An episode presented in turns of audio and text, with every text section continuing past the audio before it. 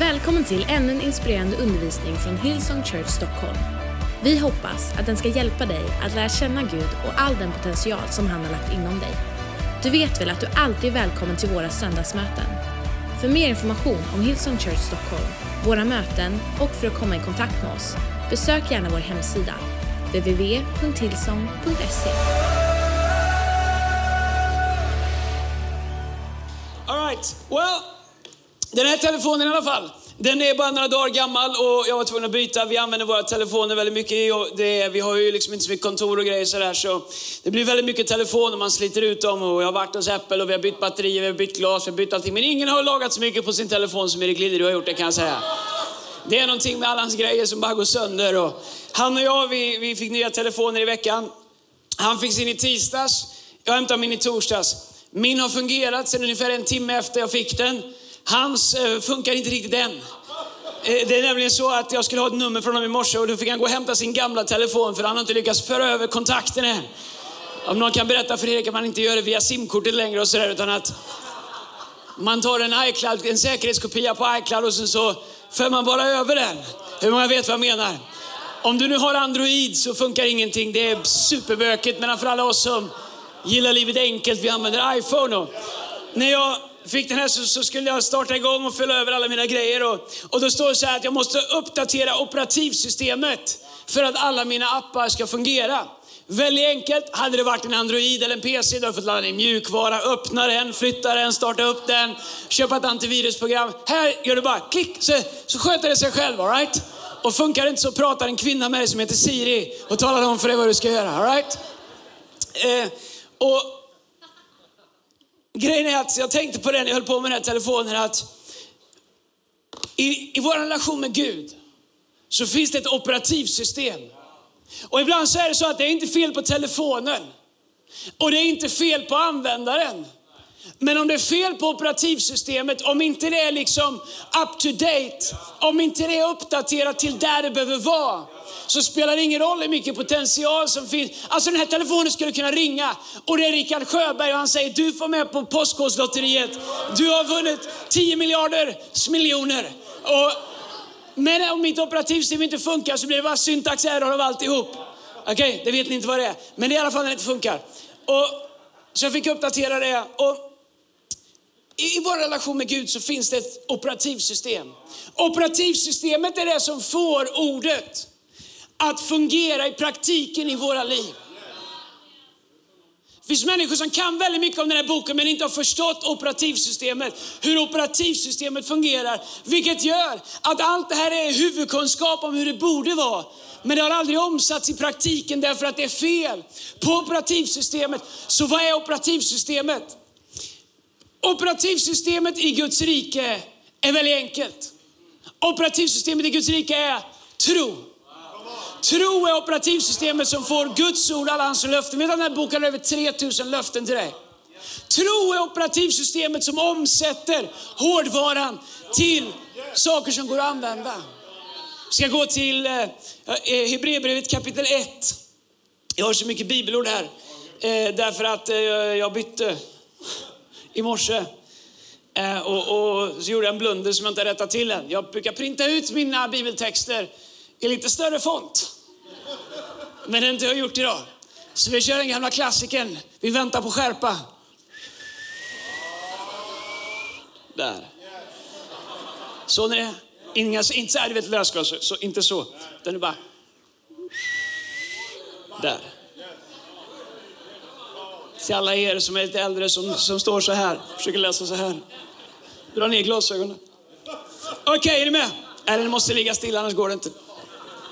Nu kör vi! Hebreerbrevet kapitel 1. Vi ska prata om Guds rikes operativsystem, tro. Okej, titeln predikan är en öppen himmel, det, det hade jag sagt. Hebreerbrevet kapitel 11, vers 1. Tron är en övertygelse om det man hoppas, en visshet om det man inte ser. På samma sätt som när du trycker på någonting på din telefon och du fattar nada om hur det händer så förväntar du dig att det händer. På samma sätt är det med tron. Tron är en övertygelse om det man inte ser, en visshet om det man inte ser. Okej, okay, så vad gör tron? Genom tron, alltså Guds rikes operativsystem, fick, fäd, fick fäderna sitt vittnesbörd. Genom tron förstår vi att världen har skapats genom ett ord från Gud. Så att det vi ser inte har blivit till av något synligt. Genom tron bar Abel fram ett bättre offer åt Gud än Kain och genom tron fick han det vittnesbördet att han var rättfärdig eftersom Gud själv bekände sig till hans offer. Och genom tron talar han fast han är död. Genom tron togs Hanok bort utan att möta döden. Och man fann honom inte mer.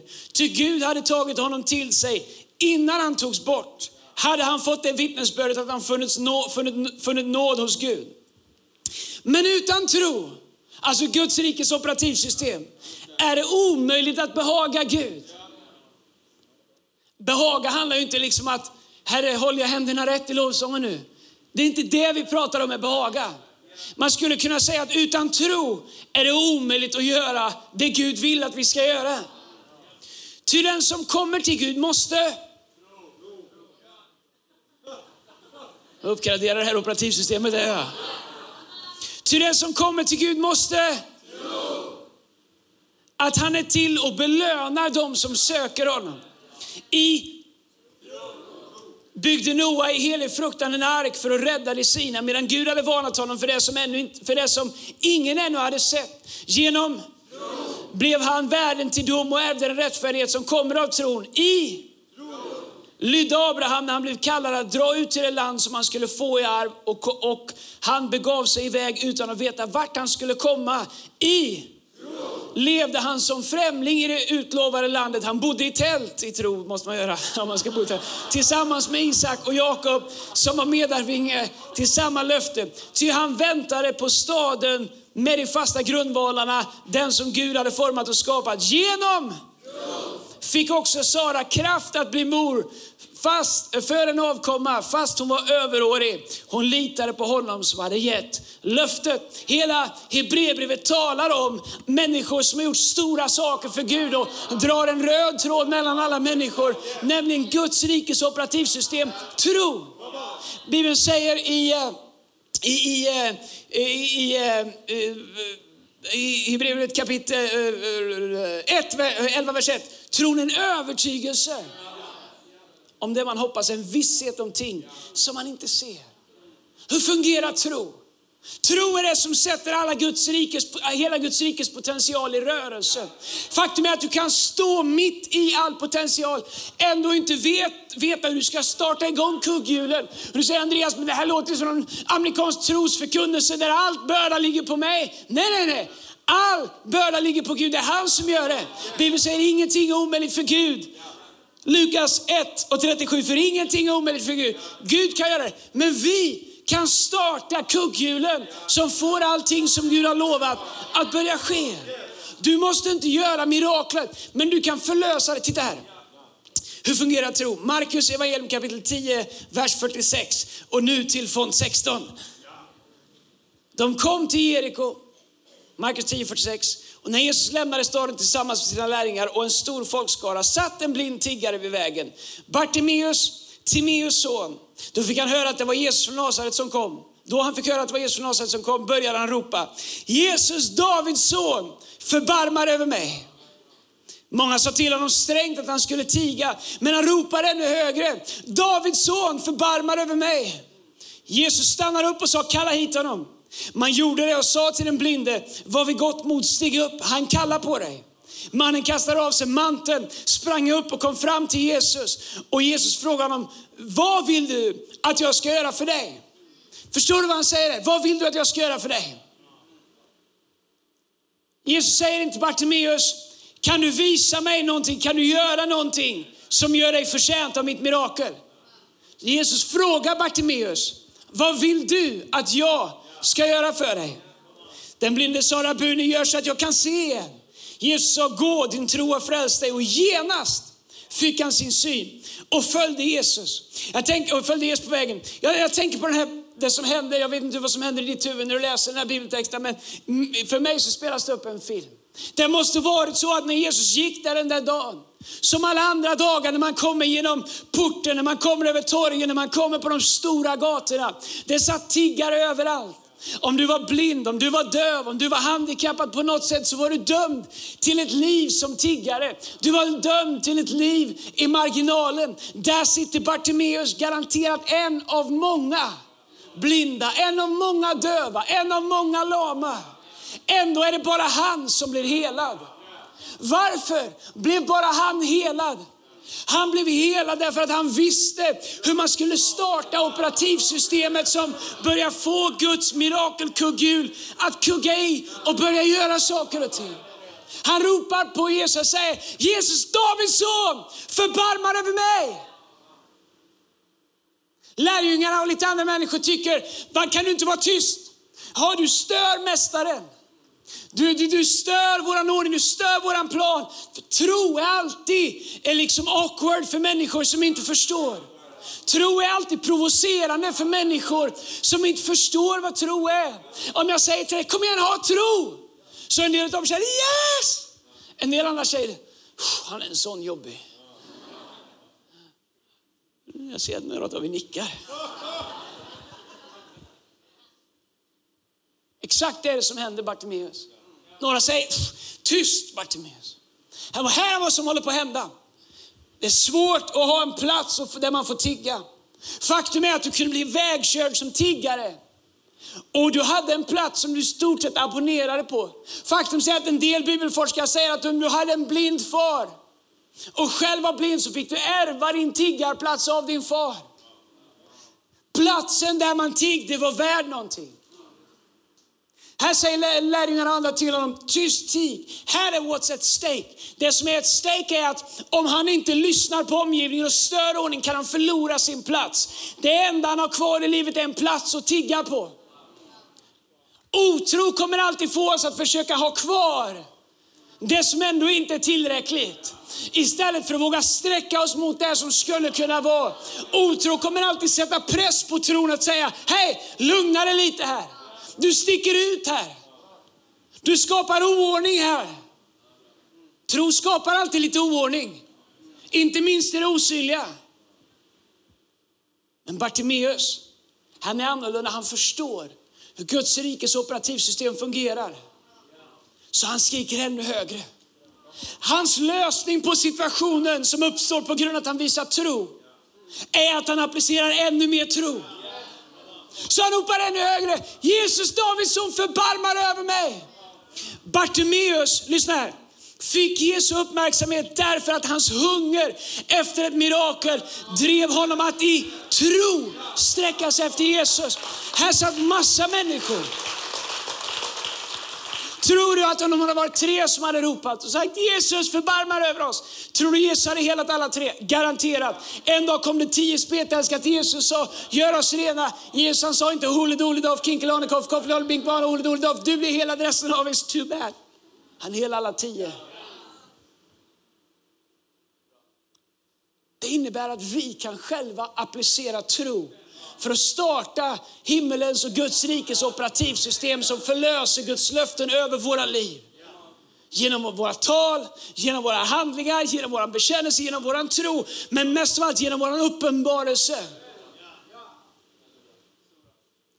Det var inte Bartimeus behov som fångade Jesu uppmärksamhet. Kan de bara stanna klockan?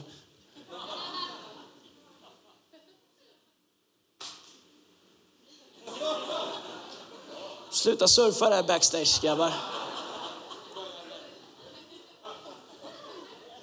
Det är sju minuter till Washington, Philadelphia börjar så ni kan följa med en liten stund till. Det var alltså inte behov som fångade Jesu uppmärksamhet, för det var massa människor med behov där. Här satt ju alla möjliga blinda, löva, dama, lama, lytta och allt vad de kallades. Alltså Jesus var inte moved by need. Han var moved by faith. Jesu uppmärksamhet fångades inte av behov utan av tro. Alltså är inte behov tillräckligt. Vi lider oss inte till ett mirakel. Jesus vill lyfta oss upp ur våra behov. Han vill möta våra behov. Men han fungerar bara i det operativsystem som han själv har varit med och skapat. Himlen öppnades över Bartimeus. Hur får vi himlen att öppnas över våra liv? Skulle du vilja ha en öppen himmel? Den där dagen när himlen öppnas över Bartimeus så han kan se. Och när han får se Jesus och väljer att följa honom. Hur får vi en öppen himmel? Hur lever man under en öppen himmel? Men jag vill leva under en öppen himmel. Inte på så sätt som vi gör här i Sverige på april när det snöar och haglar. I, men en annan sorts öppen himmel. Man känner att himlen är öppen. Jag skulle vilja dela med tre saker som öppnar himlen. Egentligen om du kokar ner allting. Om du applicerar tro, himlens operativsystem, så kommer det ner till tre saker som öppnar himlen över oss. Ur de tre kan du springa en massa saker, men i, i grund och botten tre saker som får våran tro att börja verka för oss. Det första jag skulle vilja tala om är hunger. Hunger öppnar himlen. Hunger öppnar himlen. Bartimeus han var hungrig, han var trött på att sitta där och tycka synd om sig själv. Han bestämde sig för att göra Han blev mer hungrig på att få ett mirakel än han var fylld av självömkan över sin egen situation. Hans hunger drev honom till action. Grejen är att Gud är ingen lyckokaka. Han är liksom inte som du får på en Kina-restaurang. Det var länge sedan jag var på Kina-restaurang. Det känns som mycket socker i den maten. Sötsursås, det är ju fantastiskt gott. Det var länge sedan. Friterade bananer med vaniljglass. My God, med sirap på. 7000 kalorier. Och, but who's counting? Och i slut får du en lyckokaka. En del de, de använder liksom Gud som om han vore en lyckokaka. Åh, oh, livet är jobbigt. Herre, om du finns. Först när Persiens rike stod emot mig. Ja, så är det. Det var exakt vad som stod där. Jag ringer Tobias Gard och får själavård istället, det är bättre. Ja, det är inte så dumt i och för sig. Men Gud är ingen lyckokaka. Ibland så kommer vi inför Gud utan hunger och säger vi, Gud jag skulle vilja ha det här. Går det så går det. Hunger är något helt annat. Hunger är när du går över bron och vänder om och tänder eld på den och säger Jesus, nu har jag bara dig. Finns det ingen väg tillbaks längre. Nu har jag bara dig. Hunger öppnar himlen. Behov öppnar inte himlen, hunger öppnar himlen. Faktum är att vi kommer aldrig att hungra efter någonting som vi klarar oss utan. Om du inte kommer ihåg någonting annat om den här predikan så kom ihåg det här. Du kommer aldrig hungra efter någonting som du klarar dig utan. Faktum är att problemet med de flesta av oss är att vi klarar oss ganska bra utan Gud. Åtminstone så tror vi det. Jag menar vad skulle hända om Gud inte fanns? Vi skulle kunna sjunga våra låtar ändå. Vi skulle kunna få lite adrenalin här ändå. Jag menar, hur många av våras liv skulle i grunden fundamentalt bli annorlunda om vi tog bort Gud ur våra liv? Om jag klarar mig utan Gud Gud, då har jag inte fullt ut valt att följa honom. Hunger. Vi kommer aldrig hungra efter någonting vi klarar oss utan faktum är att när man svälter ihjäl, vilket jag aldrig har gjort, inte en enda gång. Men jag talade om det här ämnet på ett annat sätt för flera, flera år sedan. Och då pratade min, jag tror det var min svärfar som är läkare, och pratade om hur man svälter ihjäl. Han har också jobbat i Afrika i många år. Och han sa att ingen som svälter ihjäl dör hungrig. Långt innan man dör av svält har hungern försvunnit för länge sedan. Kroppens system har stängt av alla mekanismer. Kanske är det för att psykologiskt uthärda, men när man svälter ihjäl och man drar sitt sista andetag så är man inte hungrig. Man kan klara sig ett dygn eller max två utan vätska. Du kan klara dig några veckor utan mat. Men när du till slut dör så är du varken törstig eller hungrig. Det avtar. Har du gått utan mat någon gång? Du vet så här om du är kille, tredje timmen du känner jag måste äta någonting. Fjärde timmen du är grinig. Femte timmen du har tunnelseende, det ringer i öronen, du hör inte vad någon säger. Efter tio timmar så har det gått över. Du är bara allmänt grinig.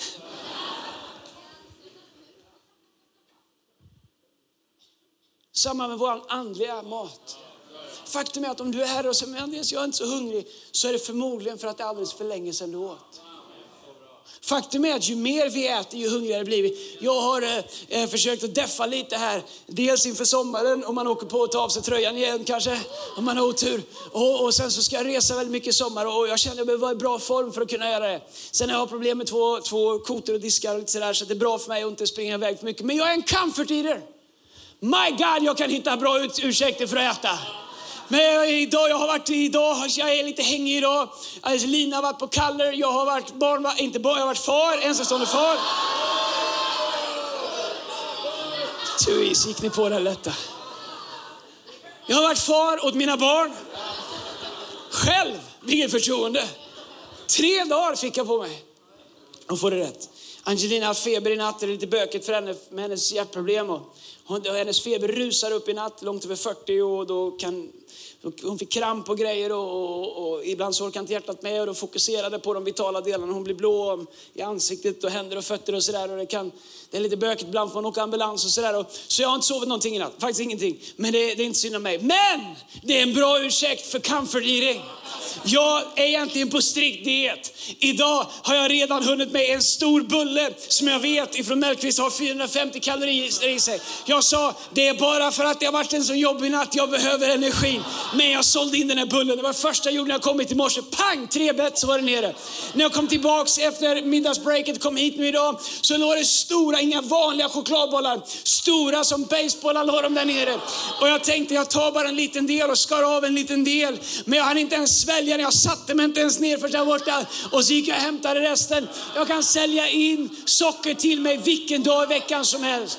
Om jag har predikat hela söndagar som den här söndagen, jag predikar hela dagen här i city. När jag kommer hem på kvällarna, jag går bärsärkagång i våra köksskåp. Jag går igenom allt, jag snor barnas påskgodis, jag snor deras födelsedagsgodis. Jag tar Linas presenter jag har köpt åt henne, jag tar allt som finns. Om det finns där så tar jag det. Jag är så trött, jag måste bara ha sötsaker, jag måste bara ha godis när jag kommer hem. Jag måste ha liksom gött gött. När jag kommer hem.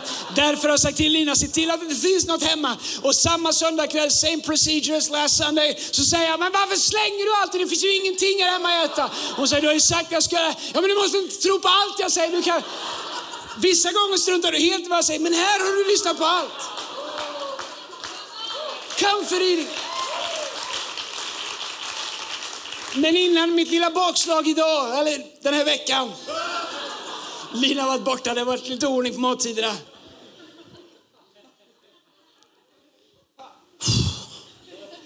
I fredags åt jag Burger Bistro till lunch. Sen gjorde vi hamburgare hemma på kvällen. Nej, jag Jag kör sådär, du vet, 363 2. Men de där två flyttas fram hela tiden. De kommer liksom aldrig. Okay, jag måste predika. Men det jag upptäcker är ju mer dålig mat jag äter, ju mer vill jag ha. När jag inte åt dålig mat på flera, flera, flera, flera, flera, flera, flera, flera, flera veckor, så vill jag inte ha det. Men du vet vad jag pratar om Mackan. Första gången han sa amen på hela dagen. Det är samma sak med vår andliga hunger. Om du inte äter på länge så är du inte hungrig. Du säger Andreas, alltså, jag känner inget längre. Nej, det är klart du inte känner något längre. Det har ju stängt ner. Andreas, jag känner inte Gud längre. Jag kan inte lovsjunga för jag känner honom inte. Det är ett baklänges moment 22. Du säger, jag lovsjunger inte för jag känner inte. Men du känner inte för att du inte lovsjunger. Du säger Andreas, jag kan inte läsa Bibeln för den lever inte som den en gång gjorde. Men jag säger, den lever inte för att du inte har ätit på länge. Du måste äta för att vara hungrig. Du måste lovsjunga för att connecta.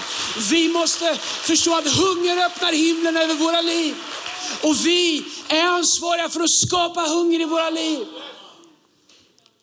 Att bli hungrig efter Guds närvaro i våra liv. Att bli hungrig efter Guds löften i, våra, i dina liv. Andreas, du pratar om Guds löften. Jag ser inga löften. Men är du hung, vilka löften hungrar du efter? Ja, jag är efter allihop. Specifikt, nämn tre. Utav 3000. Well, eh, vad hungrar du efter? Den som ber, han ska få. Men när vi ber så måste vi be om det vi ska be om. och tro att han lönar den som söker honom. Vad lönar han med? Det vi ber om. När vi drivs av hunger. När du börjar hungra efter löftena, vet du vad som kommer hända? Du kommer börja studera löftena. Vad säger Gud om det här? Jag älskar löftena, jag är en löftesfreak. Jag älskar att läsa om löftena. Och jag kan inte liksom det, jag har några så här go-to-löften. Jag, jag tror aldrig jag har predikat utan att citera några av de här löftena. Han ska öppna en som ingen människa kan stänga. Inget kan skilja dig från Guds kärlek. Jag älskar några av de här löftena. Det är mina go-to-löften. Men jag säger dem därför att jag, I stir up my hunger. Därför att jag kan inte leva utan dem. Men jag inser att om jag inte själv stir them up så börjar de avta. Så kanske du sitter där som en gång brann, en gång längtar efter Gud. Känner det, så känner ingenting längre. Min vän, jag skulle vilja säga att det är allvarligt. Men inte ohjälpligt. Det är allvarligt på så sätt att det är sista fasen innan man blir andligt död. Hungern har stängt ner. Men det är väldigt, väldigt enkelt. Det är bara att börja äta lite igen. Så kommer hungern återvända. Och hunger öppnar himlen. Och helt plötsligt är himlen öppen igen. Helt plötsligt inser du att han är allt vad du behöver. Alla mina, under sång och dans ska de säga, tror jag, sång och lek, säga, sång och dans. Alla mina källor har jag i dig. Hunger öppnar himlen. Ju mer du äter, ju hungrigare blir du. Nummer två. Det andra som öppnar himlen över våra liv är ödmjukhet öppnar himlen.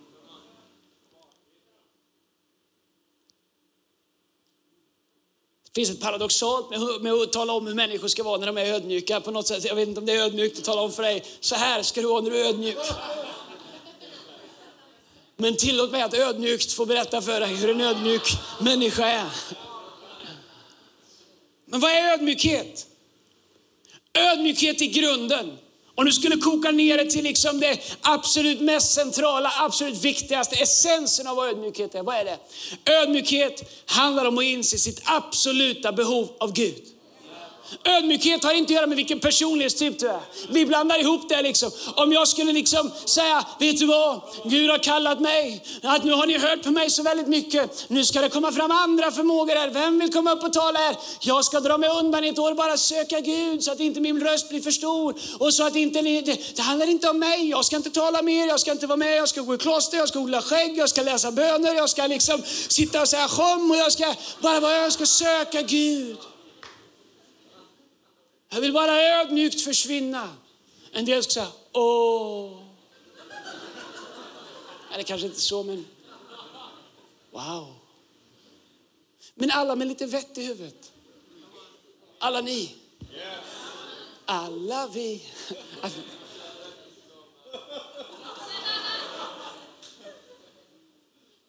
Skulle inse att alltså, det är inte ödmjukt.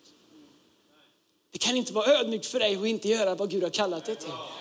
Om jag skulle säga, jag vill bara vara ödmjuk, jag, jag ska inte predika mer. Och jag vill inte få för mycket strålkastare på mig. Är det ödmjukt? Religiöst låter ju fantastiskt. Oh, wow. Men faktum är att jag slutar göra det jag är kallad till. Vilket inte är ödmjukt, det är högmod. Att tro att jag kan säga ja till att följa Jesus och sen bestämma vad jag ska göra med mitt liv och inte låta honom få använda mig som han vill. Förstår du, ödmjukhet handlar inte om vår yttre appearance. Nej, ja, vi har väl inte... Det är ungefär som någon kommer och tackar för predikan. I början, du vet så här, jag skulle... Eh, när man börjar predika och människor kommer och sa tack för predikan och tacka inte mig. Ta all ära till Jesus, tacka Jesus. Och de kände sig superkonfunderade. Jaha, men eh, nu var det ju du som predikade. Och jag kände att alla som kom och sa något uppmuntrande, de bara gick awkward härifrån och tänkte, han är knäpp. Till slut slutar människor uppmuntra mig. Jag, jag tänker, varför får jag aldrig någon uppmuntran? Nej, så jag får säga, tack så hemskt mycket. Det värmer. För så enkelt är det inte. Fiska lite här.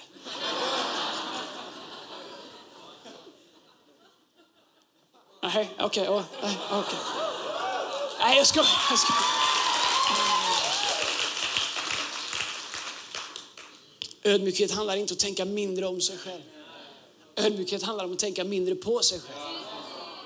Förstår Jesus han, han, han, han definierar ödmjukheten. När han säger så här till Pontus Pilatus, rätt säger du att jag är en kung. Och det där var inte så ödmjukt. Och om man är en kung så är man en kung. Nu var han inte uppväxt i Sverige och, och utbildad i jantelagen. Där om man är läkare säger man, jag är inte riktigt läkare, men jag jobbar på ett sjukhus. Va? Är du inte läkare? Vad håller du i kniven för mig för då? Stick härifrån. Vi är liksom så här. Jag, vill, ja, jag är ju doktor, men du behöver inte kalla mig doktor. Säg inte doktor, jag är inte mer än vad du är. Och det hoppas jag att du är om du ska börja skära i mig. För om jag skär i det enda jag kan göra är att ta ur inälvor och, och ta bort skinnet. Det är det enda jag gör när jag opererar. Det är one size fits all. Jag har bara en standardoperation på alla mina djur som jag Förbarma mig över. Ödmjukhet är inte att säga, om jag säger, men, men du, du är en fantastisk låtskrivare. Nej, det är jag inte. Nej. Vad står du där och sjunger om då?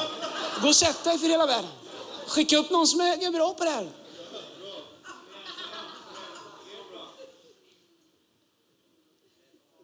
Ödmjukhet. Jesus står inför en spiral och säger, rätt säger du att jag är en kung.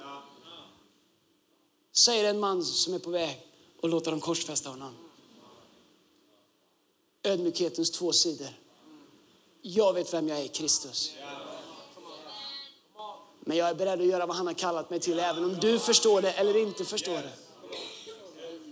Han som säger rätt säger du att jag är en kung. Han är också den som inte räknade sin tillvaro som segerbyte utan offrade sig själv och antog en tjänares gestalt. Han som var med när skapelsen formades. Han som var med hela vägen. Han som är det skrivna ordet. Ord som fick kött och bodde mitt ibland oss. Han som är Guds härlighet förkroppsligad. Kristus uppenbar för oss. Han tar plats på jorden. Han som är högst är beredd att komma längst ner för att ingen av oss oavsett hur djupt vi tycker vi har sjunkit skulle ha kommit kommit så djupt att hans, hand, att hans hand inte kan böja sig ner och lyfta upp oss. Han var ingen kung. Han som säger rätt säger att jag är en kung. Han var ingen kung som på avstånd stod och sa till människor där nere, hallå, skärp er där nere, kom upp hit. Nej, Bibeln säger att han offrade allt och kom ner till er. Han som säger att han böjde sig ner i den djupa dyn. Han tog våra händer, han lyfte oss upp och satte våra fötter på en klippa. När vi inte kunde komma till honom så kom han till oss. Men han backar inte från det att han var en kung. Du kan bära dig över ditt liv som Gud har lagt över ditt liv. Jag älskar vad pastor Bobby sa om den här revolution. In quiet confidence. Jag älskar det.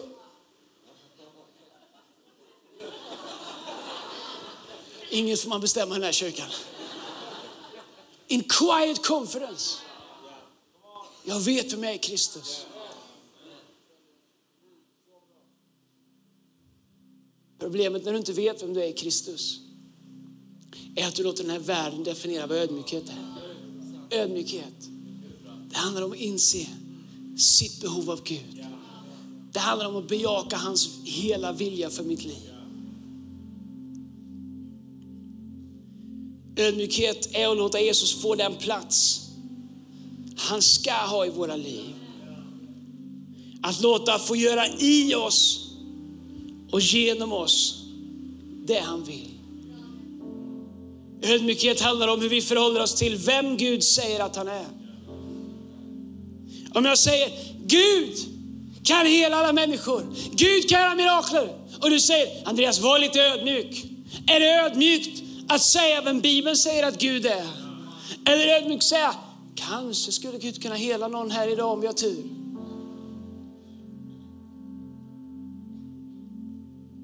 Högmod vore att säga, kom alla jag lägger mina händer på blir alltid helade. Det är inte sant, I wish, men så är det inte.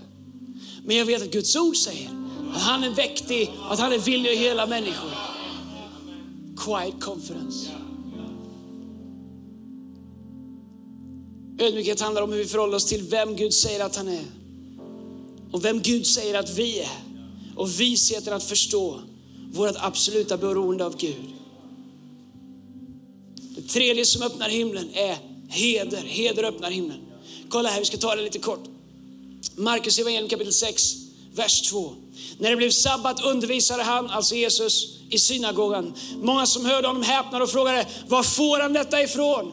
Och vad är det för visdom han har fått? Så att han kan göra sådana mäktiga gärningar med sina händer. Är det inte snickaren Marias son?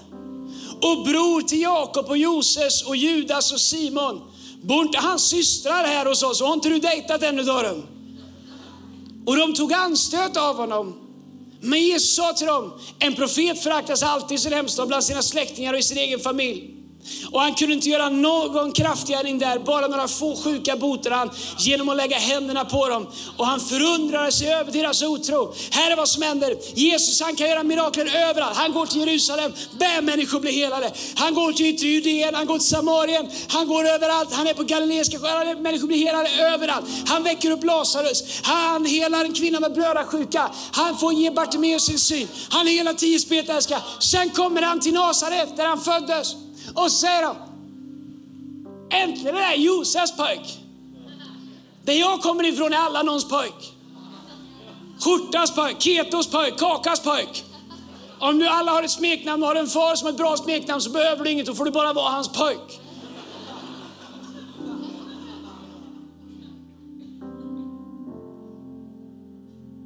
Det är Josefs pojk, snickaren. Vem tror han att han är? Aha. Hela världen kommer ihåg när han byggde det där första Attefallhuset. Det var så snett så fåglarna fick flyga in på snedden, så här Skjortas pojk. Josefs pojk. Komma hit och domdera. Vad är det de gör? De tar iväg all heder. Den heder som Gud själv har lagt över Jesus när Jesus döps han säger detta är min välsignare. I honom har jag stort behag. Så sänkte sig den helige Ande över honom. Det är det de tar bort på honom. De tar Gud i honom, Gud över honom genom dishonor. Vet du varför jag hatar vissa delar av bloggosfären och Facebook? Det är för att det är dishonoring. Det är så enkelt att sätta sig och skriva något dishonor. Du kommer aldrig se mig skriva ett negativt ord om en annan predikant eller pastor, även om jag kan tänka och tycka saker och ting. Därför att det vore aldrig någonsin min plats att ta deras anor. Därför att det är inte upp till mig att bestämma vad Gud använder det som händer när vi inte förstår kraften i honor, kraften i heder, det är att om, om, Gud, om Guds egen son Jesus Kristus, hans händer blir bakbundna, att han inte kan göra mirakler, om, om, om dishonor är så starkt att det till och med hindrar Jesus Kristus som kan skapa himmel och jord, som kan uppstå från döda, som kan väcka andra från döda. Om dishonor är så starkt att inte ens Guds egen son kan stå emot kraften i det. Det är som kryptonit för Stålmannen. Hur mycket mer är det då inte för oss? Hur starkt är det då inte honor om vi vänder på det, om vi väljer att hedra det som Gud använder. Jesus kunde inte göra mirakel i Nasaret eftersom de inte hedrade honom som Guds son. De sa, du är Josefs son. Du kan lura i dem att du är Guds son. För oss är du Josefs son. Dishonor satte Guds kraft ur spel. Jantelagen är dishonoring. Kom ner lite grann. Tro inte att du är någonting. Dröm inte så stort. Bekänn inte så stort. Sikta inte så långt. För, tro inte att Gud, tro inte att du är något. Men du är ju någonting. Gud han säger att när du formade sin mammas mage så skrev han ner alla dagar av ditt liv i en bok. Han säger att han la purpose i dig. Du var värd att byta plats med, med Guds egen son, så mycket är du värd. Låt ingen i världen säga att du inte är någonting. Och låt aldrig vår kyrka bli en kyrka som är dishonoring. Faktum är att dishonor och honor funkar likadant. Vi kan bakbinda och desarmera saker genom dishonoring. Men vi kan också ge kraft till saker genom honor. Genom våra ord, genom vårt sätt att vara. Att komma till sin connect-grupp till exempel. Det är ett sätt att frigöra Guds kraft. Det låter helt sjukt. Well, prova får du se. Dessutom att komma i tid. Fråga din connect-ledare om han eller hon blir mer inspirerad. Om han känner eller hon känner att det finns ett sånt buy-in till det här. Vi har en sån gemenskap i det här, det är så viktigt. Eller man får ringa och tjata, kommer du, kommer du inte, kommer du, kommer du inte. Det är dishonoring av det som någon vi försöker göra tillsammans. Hur vi pratar till varandra. Vad du ger in till vad du sår dina ord till, vad du sår din ekonomi till, vad du sår liksom din generositet till på livets alla olika områden. Bibeln säger att, at the generous eye devises generous things. Någon som förstår kraften i honor letar efter möjligheter att hedra Gud i människor i alla olika sorters människor. Bibeln säger att som en profet ett, ett glas vatten får en profetslön. Du kan hedra det i någons liv. Det är därför som, det är därför som Jesus vänder sig till Petrus och han säger, vem säger du att jag är? Du är Messias, den levande Gudens son. Och, Petrus, och Jesus säger till Petrus, människor av kött och blod har inte uppenbarat det här för dig. Vad var det Petrus precis gjorde? Han hedrade det som var Jesus. Han säger, du är inte Josefs son. Du är Messias, den levande Gudens son. Jag tror att det var därför Jesus använde Petrus, fast han var kanske den sämsta kandidaten i hela den samlingen. Honor är så starkt. Det är därför som vi har en kultur i vår kyrka, att vi snackar upp saker och ting. Vi fejkar inte, vi är inte plastiga, men vi ser det bästa. Första Korinthierbrevet kapitel 13 pratar om kärleken, att allt ser, tror den, allt hoppas den, den förväntar sig det bästa, allt uthärdar det. Vad är det? Vi hedrar varandra, vi hedrar det Gud gör, vi hedrar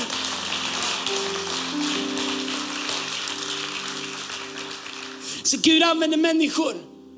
Och det är det som är problemet med honom. Att vi, Gud använder människor och vi ser det mänskliga och säger jag kan inte hedra någon för jag ser mänsklighet. Well, vem ska Gud använda? Gud använder bara människor.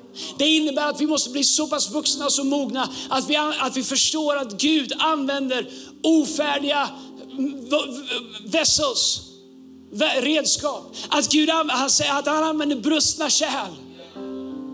Där vi måste kunna se att Gud använder människor, inte på grund av deras perfektion, utan trots deras operfektion, på grund av att deras hjärta är rätt och frukten i deras liv är rätt. Kolla här, det finns en officer i Bibeln. Matteus kapitel 8. står så här. Då Jesus var på vägen i Kapernaum kom en officer fram och bad honom. Han sa, Herre min tjänare ligger lam där hemma och har svåra plågor. Jesus frågade honom, ska du och jag komma och bota honom? Officeren svarade, Herre jag är inte värd att du går in under mitt tak. Men säg bara ett ord så blir min tjänare frisk. Också jag är en man som står under andras befäl och jag har soldater under mig. Säger jag till en gå så går han och till en annan kom så kommer han och till min tjänare gör det så gör han det. När Jesus hörde blev han förvånad och sa till dem som följde, Amen säger Israel har inte hos någon funnit en sån stark tro. Vad är det som händer här? Här är en officer, en romare. Alltså det var inte de som Jesus kom för. Men Jesus står med dem som egentligen har rätt till honom och säger, ingen av er som borde förstå, förstår som den här mannen gör. Vad var det han förstod? Officeren frigör det Jesus bär när han hedrar den Jesus är. Wow, om du bara förstod kraften i det. Officeren frigör det Jesus bär. Helande kraft, mirakler. När han hedrar vem? Jesus är. Han förstår auktoritet, gudomlig, hälsosam auktoritet. Men det finns en sån kraft i att hedra det människor bär. Utifrån att du förstår vem de är i Jesus. När jag var 20 år och kom till USA fick coach Tom Mullins, han har varit hos oss predikat någon gång här. Än idag kan jag göra saker och ting och komma på mig själv och tänka wow, det, är det här måste jag ha fått ifrån coach Tom. Fast vi aldrig har pratat om det. Jag bestämde mig för att jag skulle tjäna honom. Jag bestämde mig för att jag skulle så in mig själv i hans ledarskap, att jag skulle göra mig tillgänglig. Och jag har inte tid att förklara, if you get it, you get it. Men jag bestämde mig för att positionera mig, jag bestämde mig för att, för att dra ifrån för att hedra Gud i honom. Och hedra det han bar, så jag kunde få del av den han var. Den Kristus var i honom. Samma sak med pastor Brian, när jag stakade honom genom Europa med risk för att få en restraining order. Därför att han bar någonting som jag bara tänkte, Gud om vi bara kan tap into that och få bygga något sånt i Stockholm så skulle det vara mäktigt möjligt att se i Stockholm det jag ser i Sydney. Så jag bestämde mig för att hedra det som han bar så att vi kan få ta del av den Kristus är i honom. Jag har byggt mitt liv på att hitta personer och dra Kristus ur där de bär genom att hedra det som är över deras liv. Men vi tror på ett ledarskap där vi vågar leda, men vi, men vi tittar på Jesus och han säger, Rätt säger hon, jag är kung. Och i nästa mening så sträcker han ut sina armar och säger, därför är jag villig att offra allt för alla andra. Hunger öppnar himlen över ditt liv. Ödmjukhet öppnar himlen över ditt liv. Honor öppnar himlen över ditt liv. Hedra, även om Gud gör det som du inte vill. Om du hedrar det Gud gör så får du del av samma nåd och samma kraft och samma favör som det som Gud gör. När du sår in i det Gud gör så får du skörda det du hedrar i Jesu namn. Kom on, ska vi stå upp tillsammans? Lovsångsteamet kan komma fram.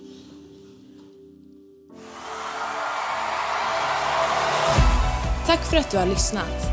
Om du vill veta mer om Hillsong och mer om vem Gud är, kontakta oss gärna. Eller gå in på www.hillsong.se. Och kom ihåg, du är alltid välkommen till våra gudstjänster. Om du vill ha mer information och uppdateringar av pastor Andreas Nilsen, följ honom på Twitter, Instagram och Facebook där hans användarnamn är Andreas Nilsen.